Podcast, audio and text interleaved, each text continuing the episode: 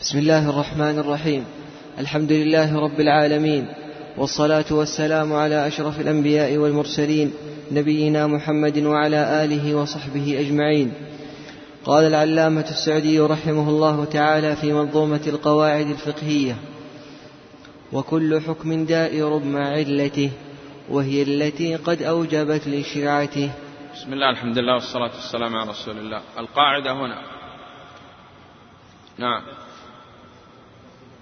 الحكم يدور مع علته وجودا وعدما طيب وقلنا أن من أركان القياس كم؟ نعم. وهي أصل وفرع وعلة وحكم.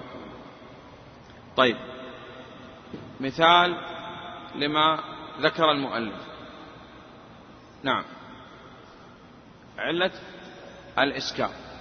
فإذا قال عليه الصلاة والسلام كل مسكر خمر. فإذا كان عندنا عصير وكان يسكر فهو خمر. والأصل عندنا الخمر والفرع العصير والحكم التحريم والعلة الإسكار. نعم. قال وكل شرط لازم للعاقد في البيع والنكاح والمقاصد. أي شرط قصد المؤلف الزائد. وقلنا الشروط في الأصل تنقسم إلى كم قسم؟ وهي شروط يجب الوفاء بها وإن لم تذكر وهذه من مقتضى العقد. ولذلك قلنا في النكاح شروط النكاح والشروط في النكاح وقلنا هناك فرق. ما هو الفرق؟ نعم. أن شروط النكاح هذه تؤخذ من الشرع. والشروط في النكاح تكون من أحد الزوجين أو من الولي. طيب أن هذه لا تسقط بأي حال من الأحوال متى أمكن القيام بها. ولكن إذا ما استطاع مثلنا عليه في الصلاة أنه ما استطاع أن يقوم يصلي جالس إذا تكون بأمر فأتم ما استطعت لكن هنا قد تسقط إما يسقطها الزوج أو الزوجة أو الولي حتى وإن ذكرت في العقد. الفرق أيضا. أن هذه يترتب عليها صحة العقد وتلك لا ترتب عليها فإن رضيت الزوجة بإسقاط هذا الشرط الحمد لله. وإن لم ترضى فهي مخيرة بين أن فسخ والإمضاء. نعم. طيب. قال إذا هو يريد الشرط الزائد الثاني. وقلنا الشروط الزائد تنقسم إلى كم قسم؟ صحيح وفاسد. فالصحيح الذي لا يخالف الشرع. وإن خالف الشرع كأن يجعل المحرم حلال والحلال حرام. فهذا فاسد ولا وفاء به وإن ذكر في العقد لكن بشرط أن يكون عالما بالحكم. فإذا كان جاهل تبين له وقال لا أنا أعرف الحكم لكن أريد هذا الشرط تشترط له ونكاية به وتعزيرا له لا وفاء. طيب أمثلة لشرط زائد ولا وفاء. وإن ذكر. دليل.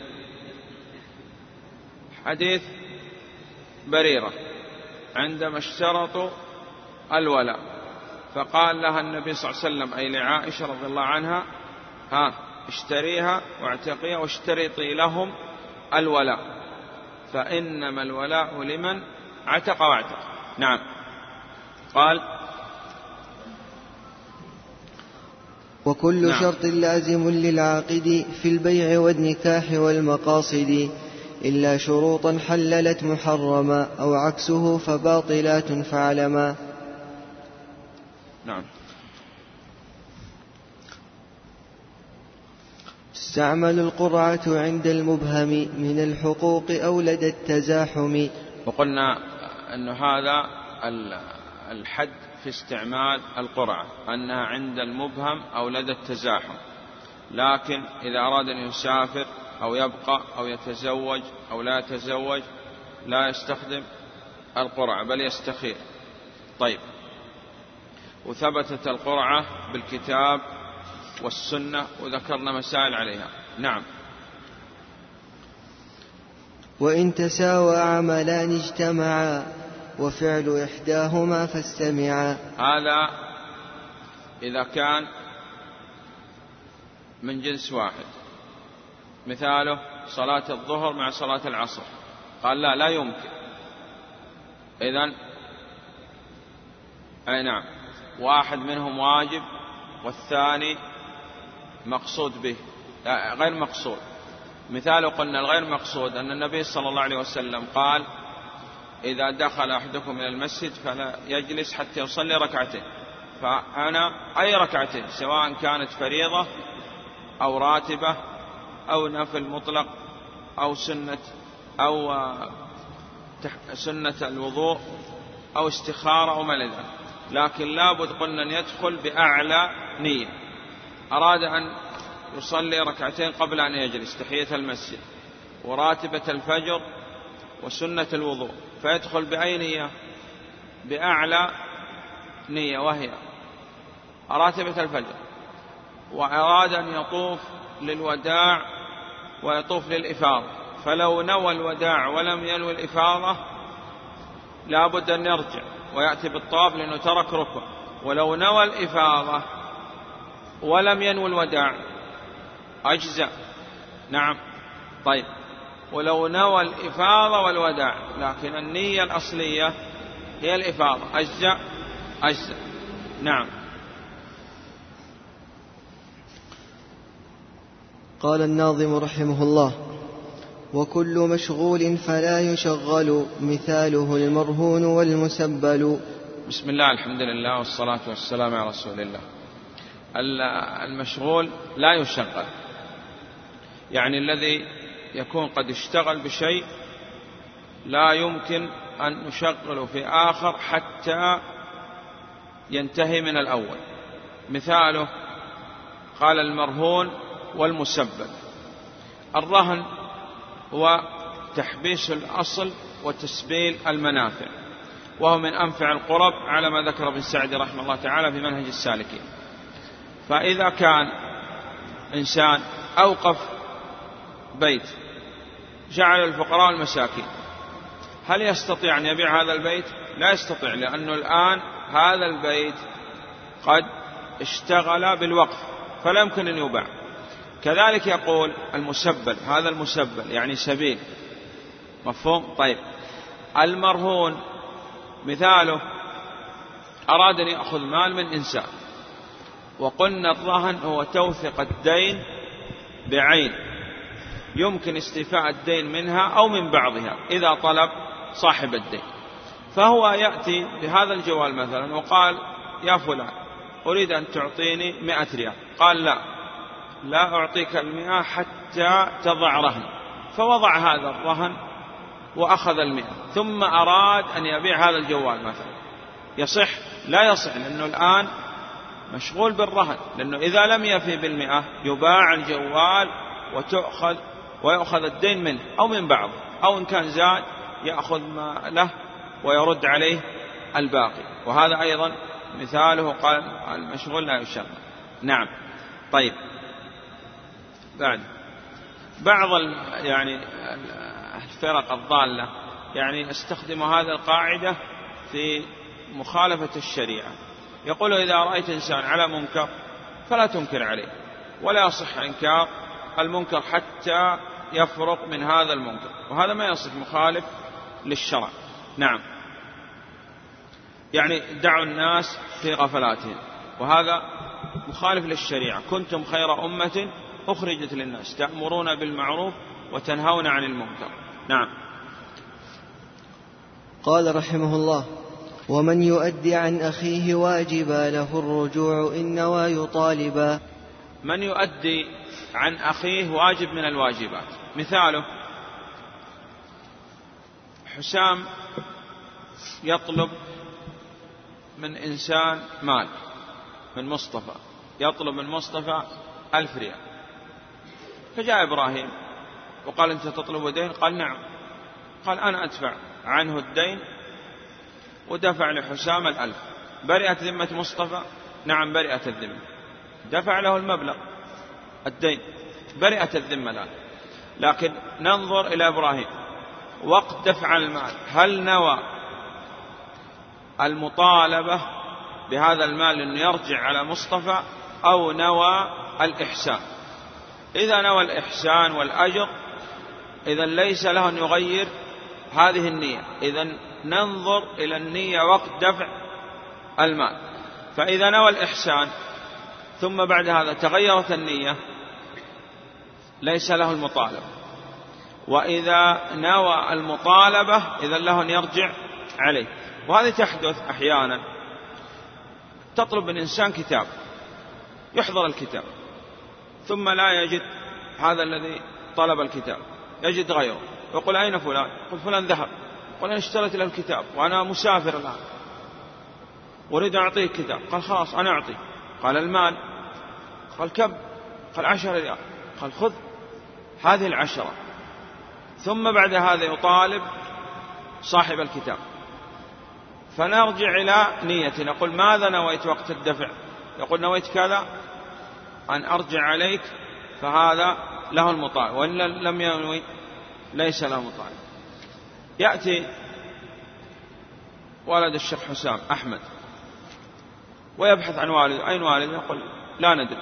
ماذا تريد؟ قال أريد أن أشتري طعام بكم؟ ثلاثة ريالات فأتي إبراهيم قال خذ اشتري اللي تريد.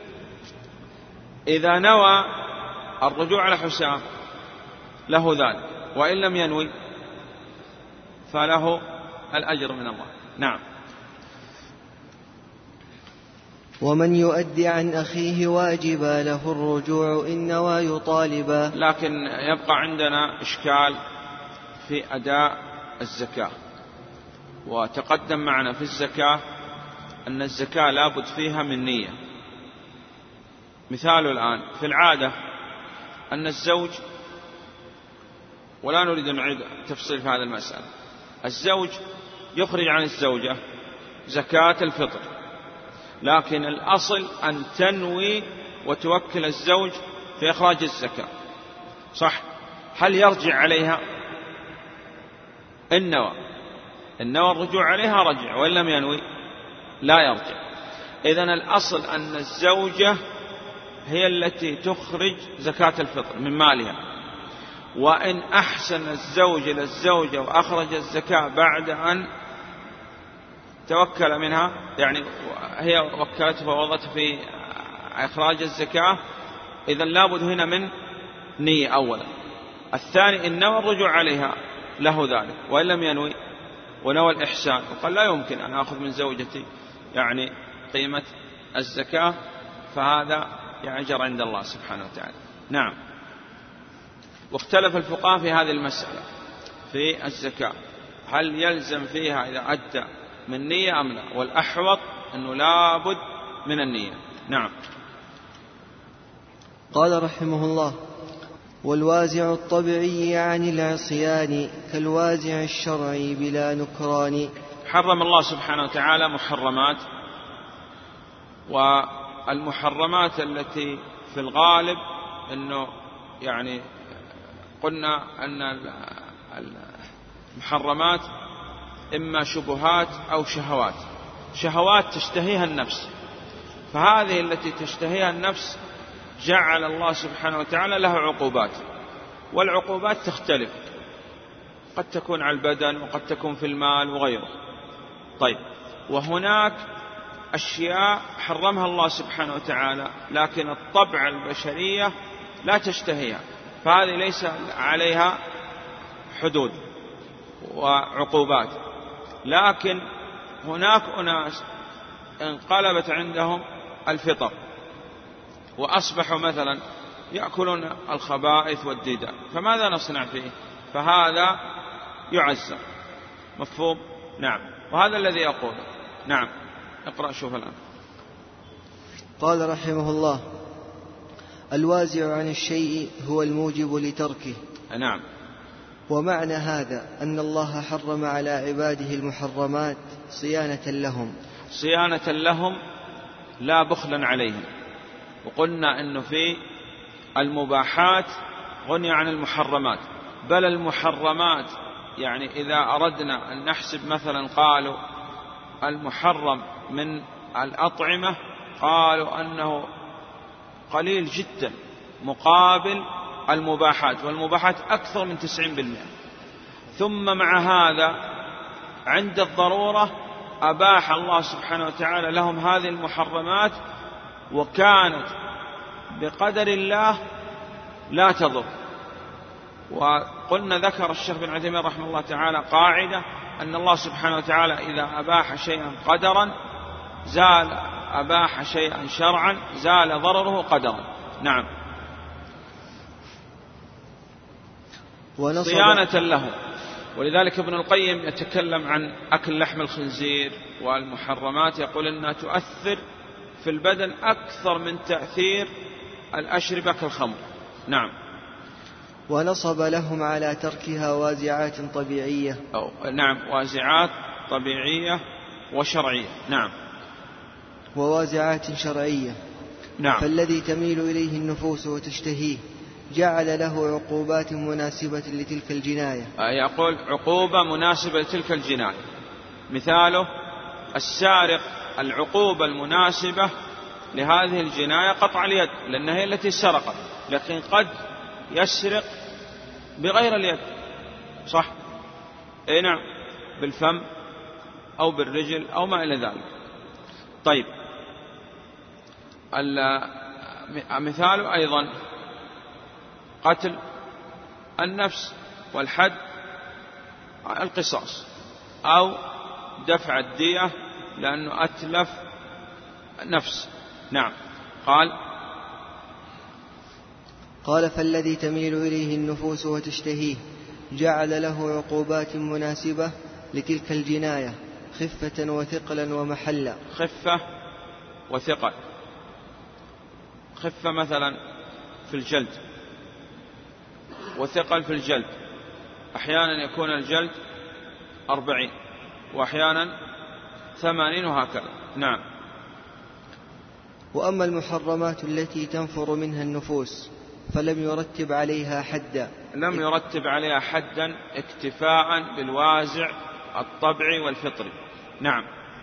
فلم يرتب عليها حدا اكتفاء بوازع الطبع ونفرته عنها. نعم. وذلك كأكل النجاسات والسموم وشربها أكل النجاسات والسموم والحشرات والأشياء التي تعافى النفس. نعم. وذلك كأكل النجاسات والسموم وشربها فإنه لم يرتب عليها عقوبة بل يعزر عليها كسائر المعاصي التي لم يترتب عليها عقوبة. والتعزير يرجع فيه إلى نظر القاضي. قد يعزر بالكلام وقد يعزر بالضرب لكن لابد أن يكون دون الحد. نعم.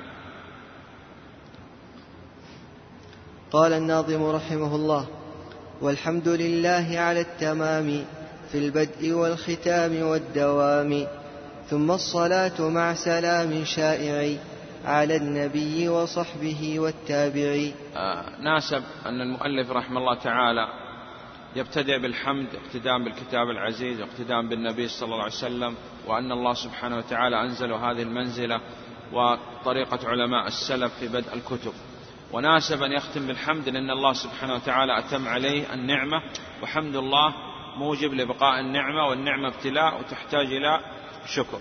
وكما صلى على النبي عليه الصلاة والسلام في أول الكتاب صلى عليه في نهاية الكتاب وهذا هو يعني عمل السلف الصالح رضوان الله عليهم. وأن النبي صلى الله عليه وسلم هو السبب لهدايتنا. نعم. وكل خير يلحق بالأمة سببه النبي عليه الصلاة والسلام. ولذلك ناسب أن يصلي عليه عليه الصلاة والسلام في أول كتاب وفي آخر الكتاب. نعم. قال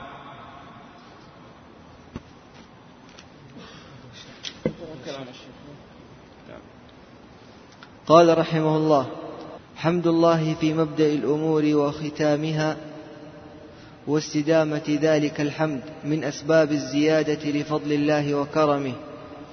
وحمد الله على الأمور يوجب بركتها وزكاءها ونماءها. ولئن شكرتم لأزيدنكم. نعم. وحفظها من الآفات ويوجب كمال الانتفاع بها. وأنا أسأل الله بمنه وكرمه الذي تتلاشى وتضمحل في جنبه الذنوب أن يجعل في هذه الرسالة جميع ما أشرنا إليه من هذه الفوائد والله الموفق للصواب. وصلى الله على محمد وآله وصحبه وسلم تسليما كثيرا. والله أعلم وصلى الله على محمد وعلى صحبه وسلم. غدا إن شاء الله. يكون اختبار شفوي في هذه القواعد الفقهية والحمد لله رب العالمين.